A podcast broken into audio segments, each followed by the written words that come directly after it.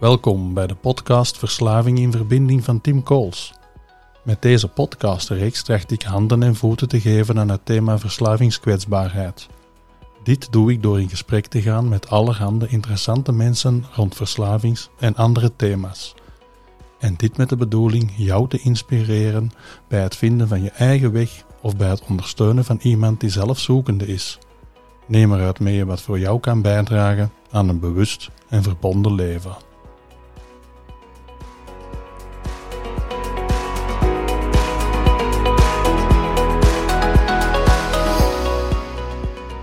Goedenavond, dokter Vloemans.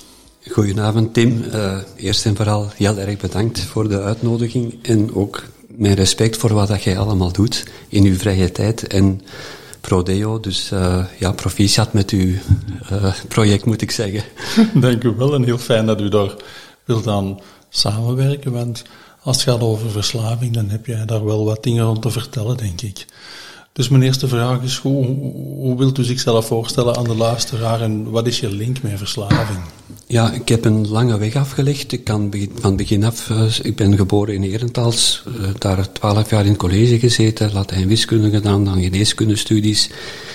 En dan uh, toch heel bewust voor huisarts gekozen, om het brede aspect van de mensen. En dan ben ik eigenlijk 15 jaar geleden ongeveer benaderd geweest door twee mensen die ervaring hebben met uh, alcoholgebruik en die uh, ja, een beetje uit curiositeit uh, naar mij kwamen van hoe doe jij dat als huisdokter, uh, mensen met verslaving opvangen. En ik stond eigenlijk met mijn mond vol tanden, want ik zou niet geweten hebben hoe ik er moest aan beginnen.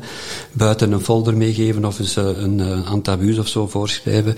Dus ben ik diep gaan nadenken en heb ik eigenlijk ja, toch verschillende jaren heel wat artikels bijgehouden uit allerlei tijdschriften. En heb ik gewoon nagedacht, wat zou eigenlijk een huisdokter kunnen gebruiken binnen een uh, redelijk tijdbestek om mensen met verslaving te kunnen opvangen. En dat dat ook gestructureerd is, dat dat iets is dat repetitief is, dat je altijd kunt her herpakken. En op die manier ben ik eigenlijk te werk gegaan totdat ik eigenlijk iets had waarvan ik dacht, daar kan ik mee starten. En, en zo is het eigenlijk wat begonnen. Ik heb die contacten met die mensen gehouden. Uh, die waren toen bij de AA. En ik ben daar ook eens gaan kijken en zo is mijn interesse voor verslaving geleidelijk aangegroeid. Uh, ik had toevallig een paar keer mensen wat kunnen helpen, maar ik had zelf niet door hoe dat ik het gedaan had. Dus ik heb ja. eigenlijk moeten ontdekken wat er eigenlijk uh, ja. nodig is om mensen te bereiken die in die moeilijke situatie terechtkomen. Uh, dan ben ik geleidelijk aan begonnen met ja, daarachter te zoeken in de praktijk. En dat is ook een boodschap voor alle huisartsen. Je kunt eigenlijk je ogen zeer gemakkelijk open houden voor mensen die potentieel toch verslavingsgevoelig zijn. Uh, hoe dat ze eigenlijk uh, op de raadpleging komen. Zijn ze verwaarloosd, komen ze altijd maar achter uh, benzodiazepinepillen. Dat zijn een soort van verdovende middelen vragen. Ja. Merk je toch aan bloedtesten dat er iets mis is, dan is het mogelijk toch bespreekbaar te maken. En als je het kunt bespreken, al noteert je het maar in je dossier, kun je er altijd op terugkomen. Je hoeft niet van de eerste keer direct van alles te doen, maar je moet de mensen eigenlijk voorbereiden op het moment dat ze zelf bereid zijn van eigenlijk uh, een stap te wagen om zich te laten helpen. En dat duurt gemiddeld vaak vele, vele jaren eer dat uh, mensen uh, zelf de motivatie krijgen van en nu moet iets gebeuren. En dat gaat soms tussen de 10 en de 12, 13 jaar eer dat mensen hulp zoeken. Ik ben dan gepassioneerd geraakt door de verslaving. De hersenwerking, uh, de neurohormonologie interesseert me mateloos eigenlijk. En hoe alle stofjes in ons hersenen werken. De gedragingen van de mensen die daaruit voortkomen. En ik heb eigenlijk altijd het motto gehad van iets dat complex lijkt, toch proberen te versimpelen. Hoe simpeler iets is, hoe duidelijker het is ook voor de mensen om er nou vast te hebben. En uh, ik kom daar straks misschien nog wel even op terug, want dat gaat eigenlijk tussen de wisselwerking van gevoelens en je verstand dat je gebruikt, waar dat je de analyse mee maakt. Maar uh, het is zo, als je mensen wilt helpen met uh, een verslavingsproblematiek, moet je vroeg of laat in hun geest binnengeraken, moet je goed weten wat ze eigenlijk van u moeten hebben, moet je ook herkennen uh, wat dat ze willen eigenlijk en, en, hoe dat ze denken, hoe dat ze zich gedragen? En dan kun je eigenlijk pas een heel netwerk van hulp uh, opstellen. Dat is ook een uh, goede raad misschien voor, voor veel collega's huisartsen, maar ik begin eigenlijk de eerste raadpleging als mensen dan uiteindelijk bereid zijn om zich te laten helpen, met uh, wat ik noem een helikopterbeeld uh, te maken. Je kunt het ook een spiegelbeeld noemen, of een beeld van bovenuit. En ik zet de patiënt centraal. Ik heb daar symbolisch een, een gele zonneke van gemaakt. Daarboven komen alle frustraties en ik vertaal dat in het Nederlands voor hun als iets dat gebeurt dat ze niet willen, dat toch gebeurt en waar ze geen vat op hebben. Dat is de definitie voor mij van frustratie of stress. Dat kan van alles zijn. Een, een hond van de buur die in uw been bijt, maar tot een dierbaar iemand die sterft. Dat kan ook een heel erge frustratie zijn. Dat is een hele grote gradatie. Nu, als we die frustraties in beeld brengen en ik laat ze praten, terwijl dat ze praten, vul ik het beeld eigenlijk in. Dat kunnen financiële problemen zijn, dat kunnen relatieproblemen zijn. De, de verslaving op zich is natuurlijk ook al een uh, stressfactor. Dat kan uh, uh, problemen op het werk zijn, noem maar op. En dan onder de gele naam, dus waar dat ze op staan centraal, maak ik eigenlijk dan de goede factoren. Wat zijn zaken waar dat ze wel hulp van hebben? De partner of professionelen, ze gaan misschien al ergens bij een psycholoog of bij CAW of CGG of ergens uh, waar ze al hulp zochten. Uh, hebben ze goede vrienden? Hebben ze hobby's? Hebben ze zelfpassies bijvoorbeeld? Dat wordt allemaal op korte tijd gedocumenteerd. En dan heb ik een apart kadertje waar ik de gevolgen zet. En gevolgen is voor de mensen soms moeilijker, want die vinden dat soms ook oorzaken. Hyperventilatie bijvoorbeeld kan een gevolg zijn. is niet noodzakelijk een oorzaak van stress. Dat kan zijn dat ze zich beschaamd voelen, dat ze zich gegeneerd voelen. Dat kan zijn dat ze leeg zijn, depressief zijn. Dat zijn allemaal gevolgen. Goed, als we dat in kaart hebben gebracht, vraag ik eigenlijk uh, zaken als iets van medicatie of zo al ge of dat ze al hulp genomen hebben, en welke netwerken dat ze al beschikken. Want die worden eigenlijk op het eind van de raadplegingen telkens terug hervraagd en uh, herschikt of geopend, zodanig dat er zo'n groot mogelijk warm koken rond hun wordt opgebouwd. En eigenlijk start dan na het helikopterbeeld met eerst uit te leggen waarom geraakt eigenlijk iemand verslaafd. Wat is nu eigenlijk de reden dat ik eigenlijk uitga op een 16? Ik heb uh, uh, tien kameraden en er zijn er daar een paar bij die sukkelen en die acht anderen bijvoorbeeld, of die negen anderen, die hebben precies geen last. En dan leg ik uit hoe dat komt. Last met alcohol of met een middel te kunnen hanteren bedoel Inderdaad, het gaat over het, uh, het, het, ja, het last krijgen van middelen die mogelijk verslavend kunnen zijn. Het gaat over cocaïne, methamfetamine, GHB, uh, alcohol, uh, benzodiazepines, gokverslaving, noem maar op. Dus alles wat met verslaving te maken heeft. En eigenlijk is het zo dat uh, de, als je daar een, uh, ook een, uit die complexe situatie een gemakkelijkere verklaring kunt aanbieden, dan gaan de mensen ook rapper mee in het verhaal. We weten allemaal dat erfelijke factoren daar een grote rol in spelen. En volgens tijdschrift van geneeskunde bijvoorbeeld zou dat zelfs 55% van de oorzaak uitmaken. En die hoge biologische gevoeligheid die je bezit, kunt je maar pas te weten komen van het moment dat je gebruikt hebt. Ja.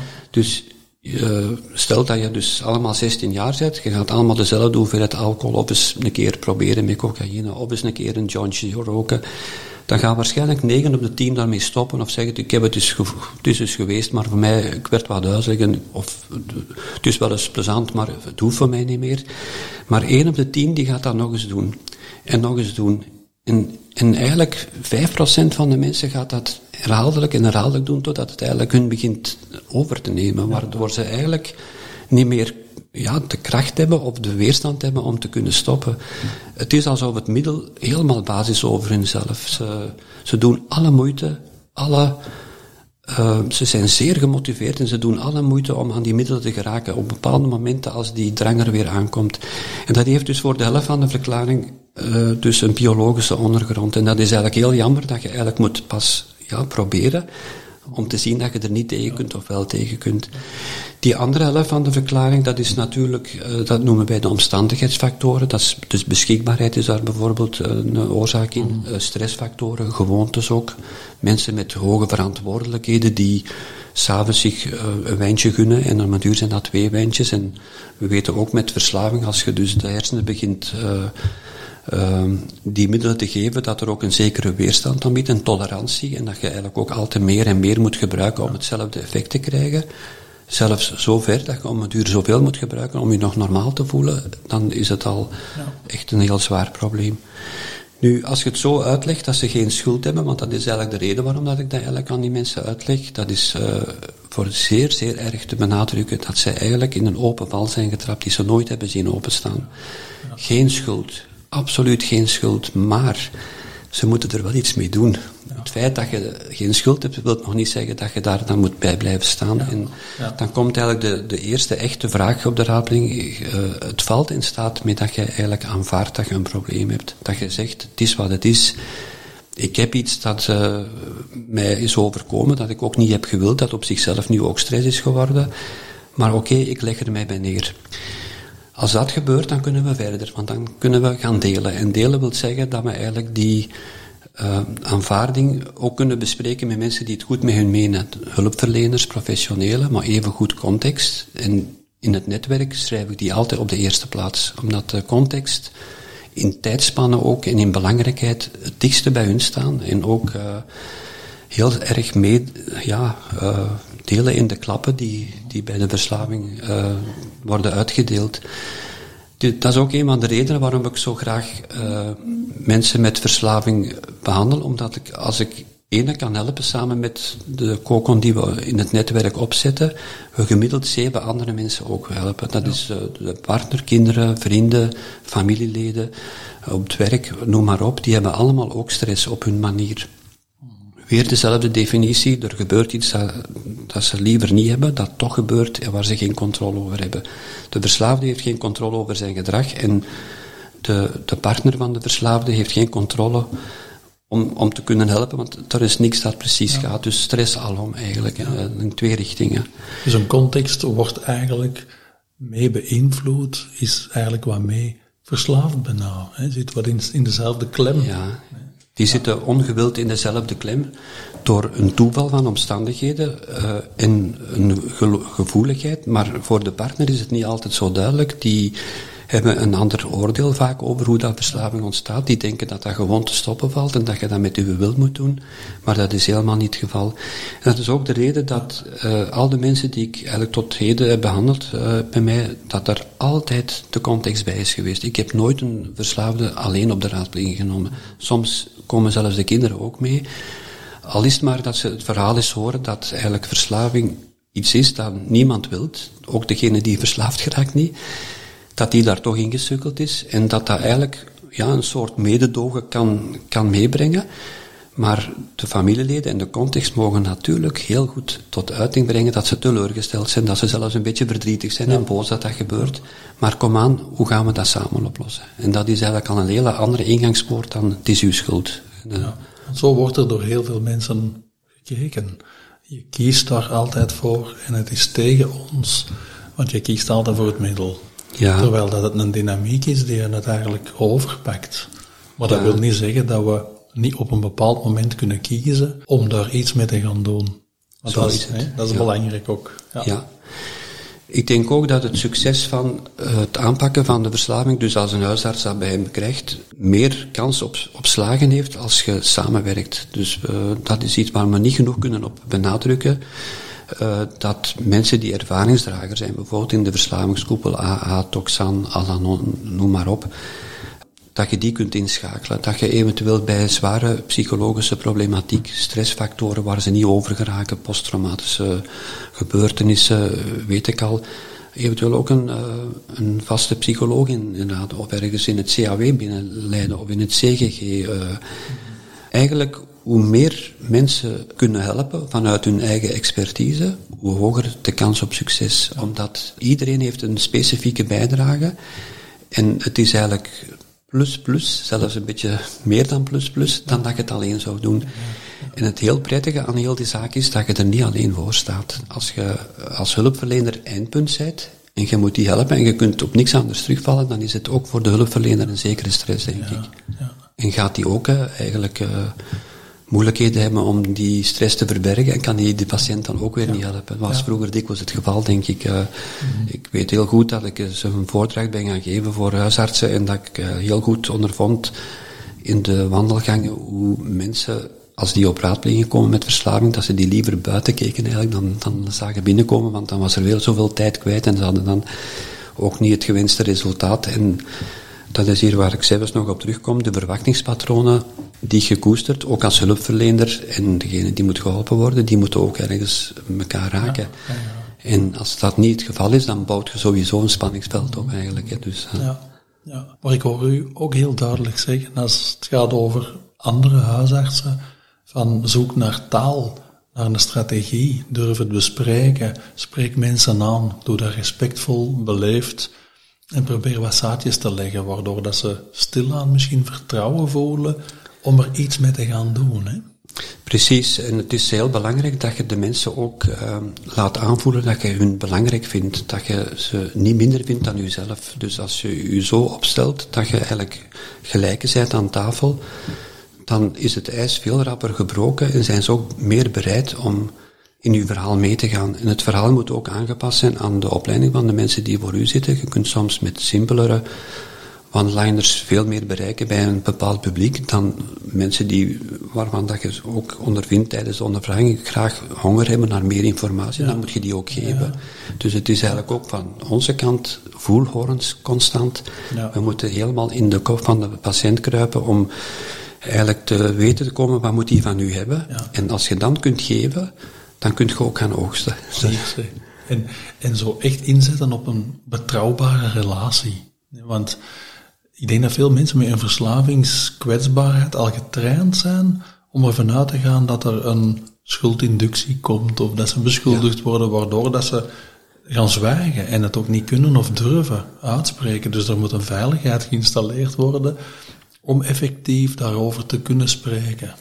Heel juist, dat, dat denk ik ook. Uh, de patiënt is eigenlijk al heel kwetsbaar op het moment dat hij binnenkomt. Het is al een heel opgave dat hij eigenlijk zich wil laten helpen. En als hij dan nog een zekere tegenwind ervaart, dan is de deur rapper dicht dan, dan, dan open. Ja. Het is daarmee dat die eerste raadpling en die korte uitleg hoe dat iemand verslaafd kan geraken en dat je daar toevallig zij bijgesukkeld wel belangrijk is, omdat die voor hun ook meer begrip geeft over, uh, ah, ik ben dan toch niet schuldig, het is mij overkomen. Ik geef ook altijd heel, uh, dat is ook heel gemakkelijk, het verhaal mee van onze uh, hersenwerking daarin. En we hebben allemaal zo ja, tussen de 87 en de 100 miljard cellen. Het is zelfs zo dat uh, het, de hersenen, wat ik zo'n fantastisch orgaan vind, van plasticiteit en van mogelijkheden en hoe dat je dat kunt nog gebruiken in alle mogelijke benarde situaties om er toch uit te geraken. Ongeveer nog eens tussen al die miljarden cellen 1000, 2000 verbindingen en daar worden allemaal stofjes in geproduceerd die eigenlijk ons in evenwicht houden, die ons relaxed doen voelen, gelukkig, uh, beloond, fit. En dat is altijd min of meer in evenwicht elke dag. Maar er zijn gebeurtenissen, bijvoorbeeld een sterfgeval, dat je terecht eh, stelt dat je partner plotseling overlijdt en je hebt daar een half jaar voor nodig om dat in plaats te geven. Dat is een heel normale zaak. Dan raken die even uit, uit evenwicht, maar we weten dat die terug recupereren. En ik leg u uit eigenlijk dat dus in die, tussen die hersencellen allemaal stofjes worden geproduceerd, dus die ons uh, in evenwicht houden. En uh, een van die stofjes is dopamine bijvoorbeeld, waar al die middelen zo hard op werken en die zeer sterk worden gestimuleerd, waarvan de hersenen achteraf zeggen, nadat je er van uh, het gestimuleerd hebt, geef me dan nog maar eens een keer, want dat is voor mij echt excellent. En één stofje, dat is eigenlijk veel, heel begrijpelijk voor de mensen, die wordt eigenlijk wat onderdrukt in werking, dat is het glutamaat. En glutamaat is eigenlijk iets dat onze reden, ons verstand uh, in orde houdt om toch op tijd te kunnen zeggen, het is al goed, ik word wat duizelig van een alcohol, ik ga. De, rem, dat is de rem van een auto. Dat is gelijk dat je blauwe ogen hebt, of bruine ogen, groot of klein bent. Sommige mensen hebben die veel minder, en dat zijn juist diegenen die, die dus vatbaar zijn en biologische gevoeligheid hebben. Als ze dat verhaal zo horen, ik geef dat ook allemaal op papier mee trouwens, ze kunnen dat allemaal nog eens nalezen, dan worden ze geruster. Dan zeggen ze, ah ja, zo zit dat in elkaar. Ik heb het nooit niet goed begrepen wat dat eigenlijk was. Maar als je spreekt van stofjes, dat kan iedereen begrijpen. Men noemen dat neurotransmitters in feite. Dopamine hebben ze allemaal alles gehoord en, en misschien ook nog andere. Uh, maar uh, glutamaat is minder bekend, maar is eigenlijk een hele belangrijke. En dat is eigenlijk hetgene wat ons redelijke verstand uh, op peil houdt om op tijd de rem te kunnen aantrekken. Ja, ja. ja en als mensen dan zeggen, ik ben precies de stopknop kwijt, dan gaat dat daarover, hè? Dan gaat het daarover, ja, dat is waar.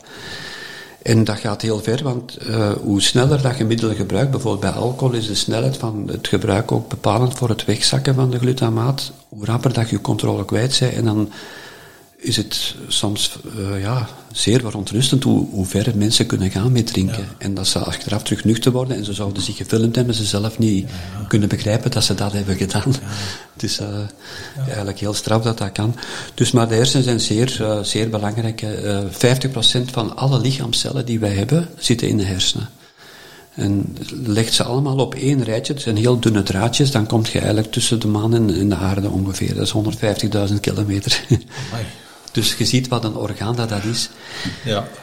En ja, daar moeten we het dan mee doen. Hè. En ik denk dat daar ook de, de puzzel ligt om uh, verslaving eigenlijk te beïnvloeden door eigenlijk evenwichten te gaan zoeken. En dat is eigenlijk meestal al een, een tweede of een derde raadpleging bij mij. Tussen hetgeen wat je graag zou hebben en hetgeen wat effectief kan. Dus uh, ik probeer een, op een ja, een, simpele manier uit te leggen dat ons verstand een bepaalde analyse maakt van een toestand, daaruit een gedrag gaat laten voortvloeien, een gedrag creëren, en dat gedrag gaat dan aanleiding geven tot een gevoel. En het gevoel is het eindpunt, en dat noem ik eigenlijk de scheidsrechter. Als het gevoel niet goed is, dan kun je ofwel blokkeren, bijvoorbeeld bij acute stress. Je hebt heel goed je best gedaan om een examen goed te doen, maar het is 2 op 10, maar je hebt nogthans 100% je best gedaan dat kan u doen blokkeren. Zegt, oh nee. En als je dan oh nee blijft zeggen, ja, dan wordt, dan wordt het een impasse. En als je dan iets gebruikt van alcohol, is het ook even weg. Of je zegt, het is wat het is. Ik, uh, ik ga dat eens tegen mijn uh, andere kameraden vertellen, die hebben dat examen ook gedaan. Ja, zo en zo, oh, ik heb dat precies verkeerd voorbereid. Mijn plan kan zijn, ik ga dat opnieuw doen, of ik ga een ander vak kiezen dat gemakkelijker is. Ik bereid me terug 100% voor ik doe terug een bepaald gedrag daardoor.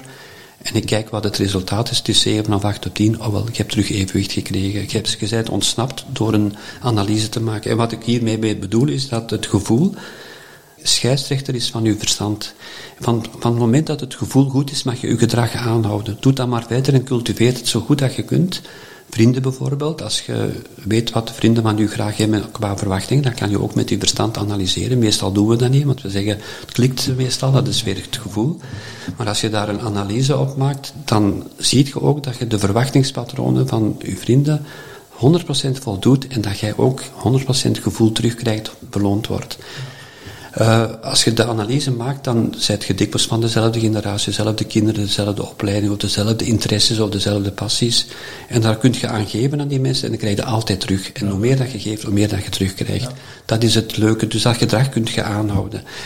Nu, stel dat je uh, toch uh, met iemand een bepaalde verwachting hebt, je gaat daarmee in interactie, maar dat blijkt iemand helemaal anders te zijn, dat gaat ingeschat, niks mee aan te vangen, dan is het gevoel 0 op 10. Nochtans heb je ook je best gedaan voor bijvoorbeeld contact te leggen. Ja, dan moet je terugkoppelen naar je verstand, even de analyse maken, wat heb ik hier allemaal aan de hand, zo en zo. Ja, dat is niet mijn genre, dat is niet wat ik eigenlijk wil. Ik ga mijn gedrag eh, aanpassen, dus de flexibiliteit, ik noem dat ook veerkracht. Ik ga eigenlijk niet meer investeren in die persoon, gewoon beleefd knikken, of als ik hem nog eens tegenkom, een goede dag zeggen dat is weinig, in, weinig uh, ik zal zeggen, moeite voor te doen. En ik moet er ook niks voor terugkrijgen, dus het is terug in evenwicht. Niks geven is niks krijgen. Of beleefd zijn is beleefd terug zijn, dat is oké. Okay. Ja. Maar zo kan je leven als iemand die totaal anders is van gedachten, van, van manieren van doen of van uh, overtuigingen, zonder dat je daar last van hebt. Misschien heeft hij nog wel een paar goede contact, zaken die je wel samen kunt doen, maar je moet eigenlijk je altijd erbij neerleggen dat er mensen zijn die anders zijn. Daar niet op blokkeren, want als je blokkeert, dan wordt het burenruzie. Stel dat hij naast u zou wonen en je wilt vriendelijk zijn en die is eigenlijk altijd heel onvriendelijk en je valt erover, dan kan dat om een duur tot een blokkerende situatie met politie en van alles zijn. Tenzij dat je zegt, ja, die naast ons, die niet zo, ik moet dat eens tegen ons vriend zeggen, wat gaan we daarmee doen? Wow, zeg dan maar gewoon een goede dag tegen en dat is oké. Okay. En je leeft naast iemand die, waar je geen last van hebt, maar die heel anders is. Ja. Dat is de kunst. Als je dat niet doet, dan gaat je blokkeren. En als dat met andere stresssituaties, op het werk bijvoorbeeld, dan kan het zijn dat dat aanleiding geeft tot een langdurige, stresserende situatie, die bijvoorbeeld ook burn-out op het werk kan teweeg brengen, ook depressiviteit kan veroorzaken, en die dus toch verre gevolgen kan hebben. En eigenlijk zouden wij allemaal vanaf de schooltijd al moeten getraind worden in flexibiliteit. Dat betekent dat niet al onze verlangens kunnen voldaan worden, dat is heel belangrijk. Dat je moet blij zijn met hetgeen wat je kunt, dat is ook heel belangrijk. En dat je in hetgeen wat je goed kunt, dan moet je in losgaan. Dan krijg je al te veel voor terug en dat maakt je gelukkig. Maar hetgeen dat je wilt en maar niet kunt, dat is een kwetsbare positie. Dat is iets verlangen wat je niet kunt krijgen. En dan moet je eigenlijk terugkoppelen naar je verstand weer om. Weer de analyse maken, wat gaan we hiermee doen, want dat, is, dat, dat loopt hier fout. Ik moet dat eens met iemand kunnen delen die daarin thuis is, een professional of een, een eh, deskundige over die zaak. En wat gaat mijn plan zijn? Ja, ik ga het dan zomaar doen. Dan ben ik ook content. Ik hoort het woordje content. En dan heb je eigenlijk een mooie, veerkrachtige ontsnappingsroute ontwikkeld, waardoor dat je niet blokkeert. Waar dat ik u hoor zeggen dat dan een verslavingsthema soms ook een ongezonde ontsnappingsroute uit zo'n blokkades dan zou kunnen zijn. Absoluut, wanneer dat je blokkeert, en dat is geen punt waar ik ook wil komen, zeker bij de verslaving, dan is de kans, uh, wanneer je stressgebonden drinkt, zeer, zeer groot. Hè? Want men zegt, oh nee, op het moment dat je gefrustreerd geraakt, uw verwachtingen worden niet voldaan, je hebt nogthans je best gedaan, dat kan goed zijn. En als je dan zegt oh nee en je blijft oh nee zeggen, dan is de gemakkelijkste manier iets te nemen. Het is zo uit je hoofd. En je zegt het is even uit mijn hoofd, het doet deugd. Maar als je terug nuchter wordt of terug je cocaïne kwijtzet of je, uh, je speed, dan komt het dubbel en trik terug. Waarom? Omdat je je hersenen even overgestimuleerd hebt. Die moeten terug bekomen. Die komen eigenlijk onder het niveau van voordat je nam. En je voelt je nog slechter dan, dan toen dat de stress ontstond. Dus ga je weer gebruiken. En zo draait de cirkel ook weer rond. Ja, en dan wordt die, die excessen naar boven en naar onder worden groter. Ja. ja. De, de, het putgevoel of het gefrustreerde gevoel wordt eigenlijk na het tijdelijke roesgevoel van het middel terug versterkt, waardoor dat je dat roesgevoel weer terug wilt gebruiken en, eh, totdat het weer uitgewerkt is en dan is het weer niet opgelost. Ja, je moet die ontsnappingsroute betreden, want anders raak je er echt niet uit. Maar uh, ja, dat is een mogelijkheid. En een tweede zaak dat bij, uh, zonder dat blokkeren, dus onafhankelijk van het blokkeren, ook uh, een lastige zaak is bij verslaving, is wat wij noemen craving of zucht naar alcohol. Ja. dat is iets dat ontstaat door het feit dat uw hersenen zo gestimuleerd zijn door die producten, dat die eigenlijk af en toe dopamine shots nodig hebben. Dus de, de, de, eraan denken is al genoeg om de dopamine in uw hersenen al binnen te krijgen, om dan gemotiveerd te geraken om naar de winkel te gaan en bijvoorbeeld alcohol te kopen of, of cocaïne ergens te bestellen. Dus craving is iets uh, heel inherent aan verslaving. Gaat gelukkig veel beter in de loop van de tijd, maar dat kan wel een tijdje overgaan. Bij alcohol gaat dat toch een half jaar tot een jaar over, hier dat dat toch voldoende wegdeemstert en blijft nog altijd wel een gevaarlijk punt.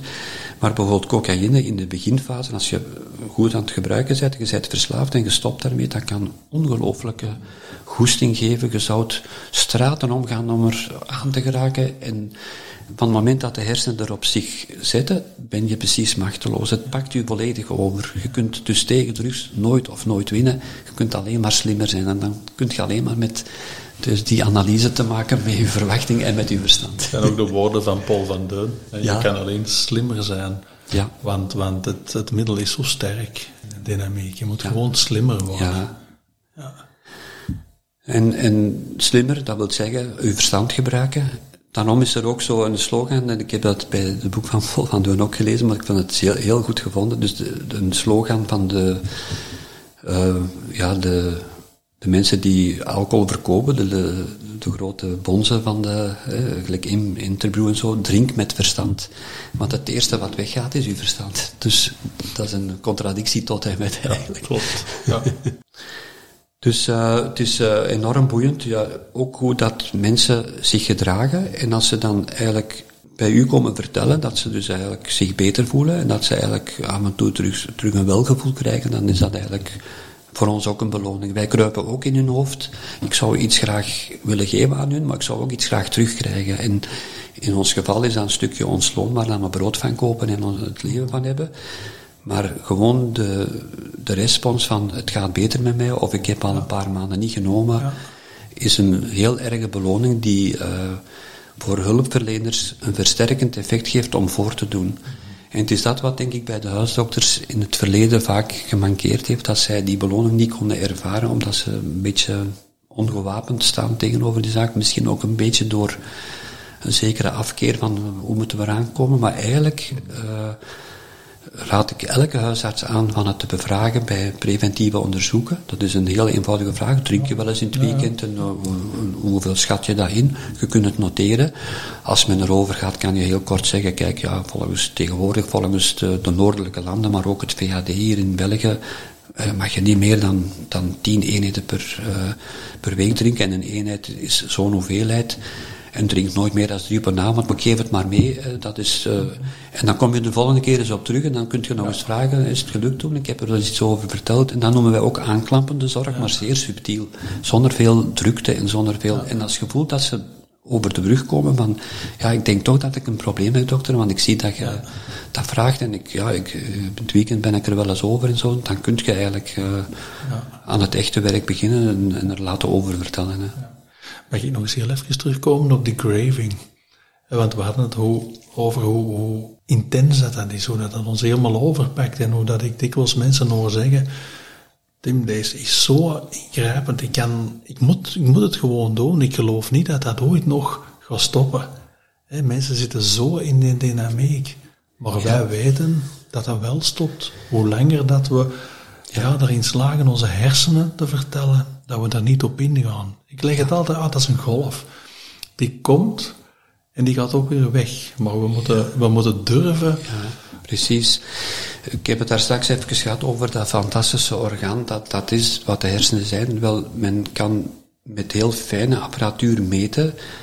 Uh, mensen die verslaafd zijn, dat, uh, jij weet het ook want ik heb het ook van u zelfs op een voordracht eens horen vertellen, dat er bepaalde banen in de hersenen dominant werken en echt stimulerend werken om aan die dopamine te geraken. Men kan die zelfs letterlijk op heel fijne ja, uh, merken. Wel, die dominantie hoeft niet te blijven. Hetgeen wat u daarnet vertelde, van de mensen constant uh, proberen met alle mogelijke middelen te motiveren en uh, ervan af te houden, dan gaan die banen eigenlijk stilletjes aan veranderen. Zelfs de hersenen zijn zeer veranderbaar eigenlijk. In die zin dat de nieuwe dominantie zou kunnen leiden tot een circuit naar dopamine dat ertoe doet. En ik noem dat altijd tegen de mensen. Alles wat je doet, elke dag, van s morgens tot s avonds, dat moet ertoe doen. Als jij in bad gaat, dan wil er proper uitkomen. Als je de kamer wilt opkuisen, dan moet dat er dan netjes uitzien. Wil je reis voorbereiden, dan wil je daar ook deugd van. Maar alles moet ertoe doen. Pak je je partner eens goed vast, omdat je weet dat ze het graag heeft, dat doet ertoe. En die banen geven ook dopamine en serotonine en uh, allerlei transmitters. En hoe langer dat je die weg beloont, en dat is eigenlijk wat ik gevoel noem, de scheidsrechter, ja. dan moet je dat gedrag aanhouden. Hoe langer dat je dat aanhoudt, worden die banen dominant. En stel dat je bijvoorbeeld na een jaar niet te drinken, toch eens een misstap zet. Dan gaat dat in die zin meevallen dat die mensen zich veel rapper herpakken omdat die dominante banen er niet meer zijn dikwijls is één keer zware doorzaken, maar niet direct weer weken aan een stuk beginnen drinken, dan dat ze bijvoorbeeld uh, vier weken zijn gestopt en dan invallen, want dan is het soms een ramp. Dan dus de, de dominantie van die baan wel mindert. Ja. Maar dat die ook niet helemaal weggaat, denk ik. De gevoeligheid blijft levenslang en het geheugen is... Uh, dus men gaat even rap de controle verliezen na twee jaar, na tien jaar, ja. na vijftien jaar. Ja. Dus dat gaat nooit weg. Hè. Dus dat is levenslang. Ja, dus het gaat niet over genezen, Nee. Waarvoor mensen soms bij een dokter komen. Ja. Maar, maar over, over er leren mee omgaan. Het, het, het begrijpen hoe het werkt en, ja. en dus leren. Ik, ik, ik vergelijk het dikwijls mee als we een knie hebben die kwetsbaar geworden is door een, door een ongeval. Dan weten we ook dat we geen marathon meer kunnen ja, lopen. En dan moeten we ons leven ook wat gaan naar richten. Dat is echt een mindset. Van hoe, hoe ga ik er nu mee omgaan dan met alcohol als ik weet dat ik kwetsbaar ben. Ja. ja, maar dat is toch oneerlijk, Tim, want, want al die anderen die, die drinken dan wel.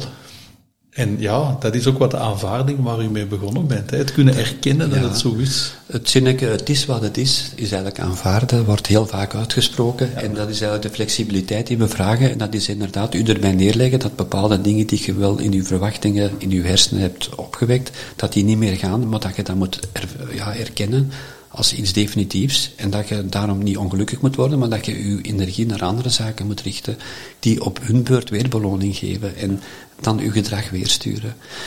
Eigenlijk is het zo dat uh, de aanpak, in mijn gevoel toch, voor, voor alle mogelijke verslavingen ook altijd in de positieve richting moet gaan. Dus ons leven gaat altijd vooruit, het gaat nooit niet terug.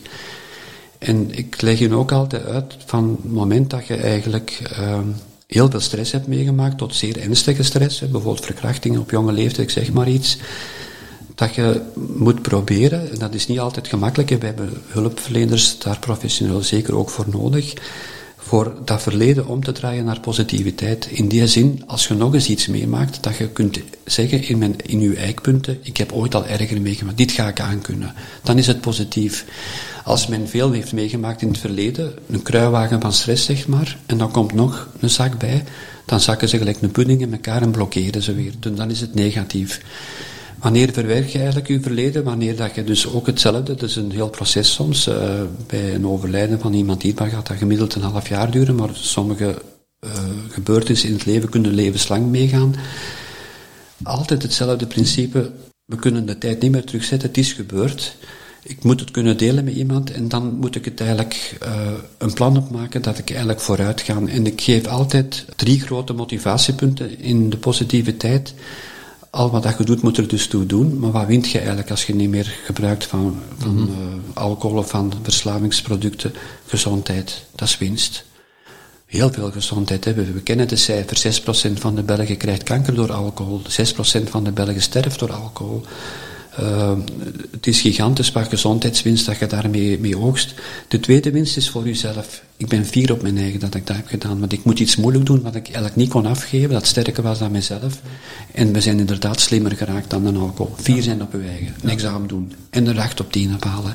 En de derde positiviteit is eigenlijk de, het respect dat je van de omgeving daarmee krijgt. En de mensen die u dan respecteren, dat zijn ook degenen waar dat je weer aan kunt geven, want dan gaat ook weer meer voor terugkrijgen. Je kunt ze er zo uithalen. Het is bijna pure wiskundige vergelijking. Ik zeg het, we kunnen veel zaken die complex lijken versimpelen. Ja, en dat is ook nodig. Ja. Hè, om, om, om mensen ook mee te krijgen. Ja. Als ze iets complex, complex op mij uitleggen, dan haak ik dikwijls ook af. Dus, dus we moeten taal vinden, een beeld vinden, dat mensen het bevatten en dat ze mee kunnen. Dan heb ik nog een, uh, een raadpleging uh, die ik aan de mensen spendeer wanneer het uh, stressfactoren toch heel moeilijk weg te zijn. En we hebben dan een heel netwerk rond hun. Laat ik ze soms huiswerk maken en vertrek ik weer vanuit de positiviteit. Dan krijgen ze drie vragen. En de eerste vraag is eigenlijk, wat zijn uw hartewensen? Wat zou jij zo heel graag hebben in uw leven? Dat is positief, hè? dat is iets dat plezant is. Ja, ik zou graag eens op reis gaan, of ik zou een, een lief willen vinden, of ik zou een nieuwe auto willen, weet ik wat. De tweede vraag, dan moeten ze al echt diep in hun eigen kijken. En ik zeg ook, doe er maar een maand over, dus leg dat ergens neer. En als je niet denkt, schrijf het maar op. Dat is, wat zijn eigenlijk de hinderpalen voor die hartewensen te kunnen krijgen? Wat zijn de obstakels daartoe? Dat kan van alles zijn, financieel, of ik ben stil en ik durf niks zeggen en ik voel me daardoor verzeld, weet ik wat. En de derde vraag, dat is de laatste vraag, en dat is uh, de cruciaal, hoe gaan we dat samen oplossen? Niet alleen, we zijn mee allemaal te helpen. De ene geeft iets en de andere geeft iets. Ik laat dat heel vaak uh, invullen wanneer ik mensen met complexe situaties naar een psycholoog stuur. En dan moeten ze mee naar de psycholoog pakken. En die heeft eigenlijk daardoor een beetje voorsprong, want die kan al direct daar te wensen zien, zonder al te bevragen. En die zien al wat op staat. En dan kunnen ze eigenlijk heel rustig, met heel wat tijdwinst, uh, daaraan beginnen. Maar dat is een heel subtiel iets. En ik zie ook dat ze de tweede vraag is een moeilijke, want dan moeten ze heel diep in zichzelf kijken wat eigenlijk niet goed gaat. Hè. En dat is nadenken, dat is hun verstand gebruiken. En dat vraagt tijd. Ja, en dat vraagt tijd. Om daar naartoe ja. te gaan, hè, wat moeilijk is. Ja, en, en dat verstand, dat dient om die obstakels te analyseren, gaat dan misschien leiden tot een plan. En dat plan geeft een gedrag en dat gaat weer dat gevoel goed maken.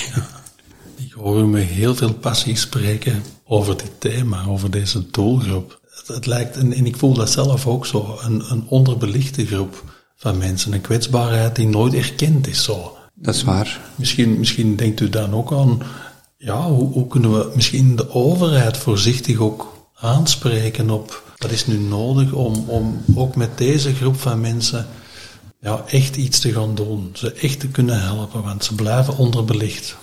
Ja, dat is een heel goede vraag en het is inderdaad wereldwijd uh, overal een probleem voor veel overheden om daarmee om te gaan. Ik heb zelf er eens een beetje over nagedacht, maar het, uh, in mijn ogen is het fundament in de maatschappij om eigenlijk aan die verslavingszorg en zelfs ook aan psychische zorgen soms ook daarnaast, dat is een beetje een niche daarnaast, eigenlijk te beginnen te werken vanaf dat ze naar school gaan en eigenlijk uh, de kinderen doelbewust goed informeren, uh, examen zelfs laten overdoen desnoods in een of ander vak van hoe dat middelen met mensen uh, ja. inwerken, dat ze daar een goede basiskennis van hebben en we weten, we, we weten hoe dat jongeren te, te werk gaan. Als ze 16, 17 jaar zijn, zijn ze niet risicoavers en gaan ze toch wel eens links en rechts proberen, maar dat ze tenminste toch zeer goed weten uh, dat ook de context, en daarmee bedoel ik de familie en de ouders daarmee betrokken worden, dat die bijvoorbeeld ook jaarlijks één of twee sessies samen met de school uh, daarover ook eens uh, een voordracht krijgen of discussiëren en vragen stellen, dat ze goed weten wat de leerlingen daar meekrijgen en hoe dat ze zichzelf kunnen opstellen thuis, want dat is voor de mensen ook niet altijd gemakkelijk als zij merken dat hun kinderen iets gebruikt, hoe moeten ze daarmee omgaan? Moeten ze boos worden of moeten ze meegaan of wat dan ook? Dus dat, dat kan allemaal een beetje voorgelicht worden. En ook de uh, bewustwording in de scholen dat wij allemaal een samenleving zijn met heel diverse uh, overtuigingen, culturele overtuigingen, manieren van denken. Maar dat we wel samen in eenzelfde boot zitten en dat we eigenlijk moeten zorgen dat ons gedrag dat we aan vertonen ook rekening houdt met het, uh, de wensen van de anderen in de mate van het mogelijke. Die wensen van de anderen moeten natuurlijk redelijk zijn en die van uzelf ook, maar daar moet je eigenlijk de, de middenweg in zoeken. En als je dat kunt, dan uh, denk ik ook, als je zo ja, drugs gaat gebruiken op grote schaal, op van die grote feesten, gelijk nu pas in het weekend nog eens gebeurd in, in Brustem, dan wordt massaal veel drugs gebruikt. Goed beseffen dat je daar ook een maffia mee onderhoudt, dat je daar ook ontploffingen mee in Antwerpen en Rotterdam en Mechelen krijgt. Dat eigenlijk heel het uh, verdedigingsapparaat van België daarmee onder druk wordt gezet. Dus het heeft heel wat consequentie. We zijn allemaal het eens dat we voor onze natuur moeten zorgen, maar dit is ook dezelfde aandacht, vind ik, uh, zorg voor elkaar, voor mekaars uh, verwachtingen dat je dus eigenlijk goed beseft wanneer dat je iets doet, dat ook een gevolg kan hebben op een bredere schaal. En ja. niet alleen het persoonlijke genot is dat dan telt, maar dat je ook daarmee drugskartels onderhoudt, uh, geweld op straat mee onderhoudt en dat je ook daar zelf zelfs uh, slachtoffer van kunt worden. En dan hoor ik u zeggen van, we moeten mensen informeren vanaf een jonge leeftijd, dat ze verstaan hoe het werkt en dat ze bewuster keuzes kunnen maken. En precies ook eerder dan te bestraffen, ja, ik denk het wel. Je moet het uh, ook weer positief benaderen. Hè. De, de winst die je daarmee kunt creëren is dat je eigenlijk de gezondheid van die kinderen gaat beschermen, dat je ook de maatschappij ervan mee gaat beschermen en dat je eigenlijk door je gedrag aan te passen eigenlijk uh, samenhorig en een veel leukere maatschappij opbouwt die uh, terug meer naar gezondheid neigt en naar een gedrag dat er voor iedereen toe doet en voor jezelf ook natuurlijk. Hè. Dus ik zeg, het is altijd dat evenwicht zoeken men leeft, en dat is, ik sta daarvan versteld als ik de analyse zelf een beetje maak. Ik lees de kranten, ik volg de actualiteit elke dag zeer goed, maar hoe dat uh, eigenlijk in heel de wereld heel vaak gevoelsmatig wordt gereageerd. Niet gecorrigeerd door analyses die rekening houden met omgeving, met hunzelf, maar gevoelsmatig. Nee, dat land is van mij, we gaan dat bezetten. Nee, ik wil ik de, de controle over het goud krijgen in Sudan bijvoorbeeld.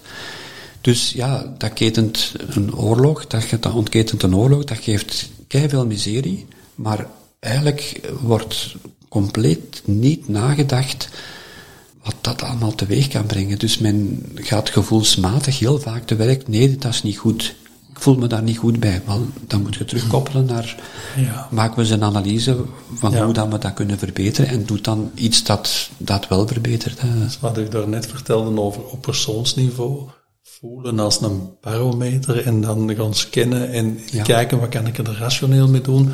Vertelt u nu ook op, op maatschappijniveau en naar beleid van hoe, hoe voelen we dingen die niet meer oké zijn en hoe kunnen we daar rationeel ja, terug zorg voor gaan dragen. Dus ook voor het thema verslaving. Absoluut, ja. Want het gaat ons inhalen als we er niks mee doen hoe dat zelfs op uh, het uh, chromosomenniveau ook alle middelen die we gebruiken, maar ook luchtverontreiniging en voedsel en zo, invloed heeft op onze genetica ook. Hè. Dus die je ook doorgeeft aan je kinderen. Dus stel dat je uh, 23 jaar bent en je, je bent elke dag dronken en je verwekt een kind op dat moment in die dronkenschap, moet je je goed realiseren dat bijvoorbeeld zaadcellen die je daar meegeeft wel degelijk genetisch beïnvloed zijn door die alcohol. En dat er dus een aantal genen afgezet of aangezet worden, waardoor eigenlijk de uiting, het maken van de eiwitten die daaruit voorkomen, verandert. En dat je dus eigenlijk het kind met achterstand op de wereld zet. Uh, ja. Dat gaat zeer ver. Hè. Dus uh, ook een heel boeiende wetenschap, als die epigenetica, ja, hoe dat zeggen, alles op, op uw invloed heeft. Stress doet dat ook. Hè. Uh, en vandaar dat het zo belangrijk is dat we die ontsnappingsroutes voor iedereen hebben. Wie heeft er nu eens geen stress? Ik ook en iedereen. Niemand ontsnapt daaraan. Maar we moeten telkens die oefening ook doen van een zekere veerkracht te ontwikkelen waardoor dat je je eigen gezondheid op peil houdt en eigenlijk de schadelijke invloeden op je genetisch systeem, op je gedrag naar anderen beperkt, zo, zo hard mogelijk. Hè. Ja. Het is uh, een allemaal heel boeiende. Uh, Absoluut. En ik heb u vandaag vooral horen vertellen, zodat mensen iets met een verslavingsthema, hoe ernstig dat het ook is, iets kunnen doen. En dat ja. een huisarts daarin een hele belangrijke partner kan zijn. Ja. En daarmee spreekt u ook ineens huisartsen aan. Van denk erover na, ja. geef er taal aan, gaat er wat dingen over lezen, volg eens een vorming ja. En, en leer ja, dingen uitspreken daar rond. Ik kan niet anders zeggen dat collega's evenzeer deugd kunnen hebben, al is het maar van korte interventies. Het hoeft niet uh, dat je superspecialist in verslaving moet worden om mensen te helpen, maar als je dus eigenlijk in de schakel van de hulpverlening iets kunt betekenen, zonder dat je daar zelf veel stress als arts van hebt, dan is het fantastisch. En je ziet als er resultaten komen, dan doe je dat nog. Hè, en dan ga je er ook heel veel plezier van beleven. Ja. En dit is nu ook een thema, als ik dat mag toevoegen, en dat zal u ook beamen, denk ik, en hoop ik. We zien dat in hulpverlening ook, dat heel veel eerste lijns hulpverleners op heel veel, op heel veel fronten eigenlijk precies niet durven of kunnen beginnen om, om iemand aan te spreken op zo'n thema, want dat moet voor een specialist zijn. Ja. Terwijl we kunnen op de eerste lijn in elk contact Absoluut. beginnen spreken over, ja. over, over middelengebruik of over verslaving en dit gewoon al uitleggen. Of er gewoon eens naar peilen dat, dat iemand voelt, dat een hulpverlener ja, de moed heeft om zoiets te zeggen of te vragen. Dat maakt ons betrouwbaar. En zo dragen we Zeker, samen bij. Ja. Het is ook heel belangrijk, denk ik, dat we iedereen die hulp verleent aan de verslavingsproblematiek, aan de persoon die ermee mee sukkelt, gelijk is. Er is niemand die zegt, ik ben de man of, of ik, ik kan dat hier. Uh, de ervaringsdragers gaan vanuit hun expertise helpen, een psycholoog van zijn expertise, de context gaat vanuit hun mogelijkheden helpen, maar dat zijn gelijke. Ja. Voor mij is dat eigenlijk allemaal even waardevol. Eigenlijk, dat is ook belangrijk, denk ik. Ja. Ik denk dat we ondertussen bijna zijn, hè, dokter? Ja. ja. Of zegt u, ik heb nog een aantal dingen die dat ik zeker wil gezegd hebben? Uh, die veerkracht vind ik belangrijk. Laat u nooit plat leggen. Het hoeft niet. Het kan anders, maar je moet durven. De, degene die verslaafd is, moet zich durven neerleggen en dan kan hem terugveren. En dat kan. En dat kan met, met een aantal handen die iedereen geeft en dan lukt het zeker. Ik ben ervan overtuigd dat iedereen die zich geeft, die zegt, oké, okay, ik heb een verslaving, ik moet geholpen worden, kan geholpen worden. Dat is belangrijk. En veerkracht, dat is toch het plezantste dat er is. Hè. Dat is terug opveren en opnieuw ja, genieten van een aantal ja. zaken die je niet meer had. En hoe verslavingsgedrag dit altijd tegenhoudt. En ervoor zorgt dat we dat niet meer kunnen gaan geloven. Ja. Maar gaandeweg lukt het toch, hè. En dat zien wij dikwijls in de praktijk. Ja. Bij de mensen die hun weg daarin vinden. Hè. was een zeer mooie afsluiting. Ik wil u heel hard danken, dokter, voor deze fantastische bijdrage. Ja, jij bedankt dat ik uh, samen met u dit mag doen, want kijk, we zijn allebei begeesterd, dat is heel duidelijk. en laten we hopen dat we dat zo kunnen voortdoen, hè. het is uh, heel plezant. Oké, okay. ja. dankjewel.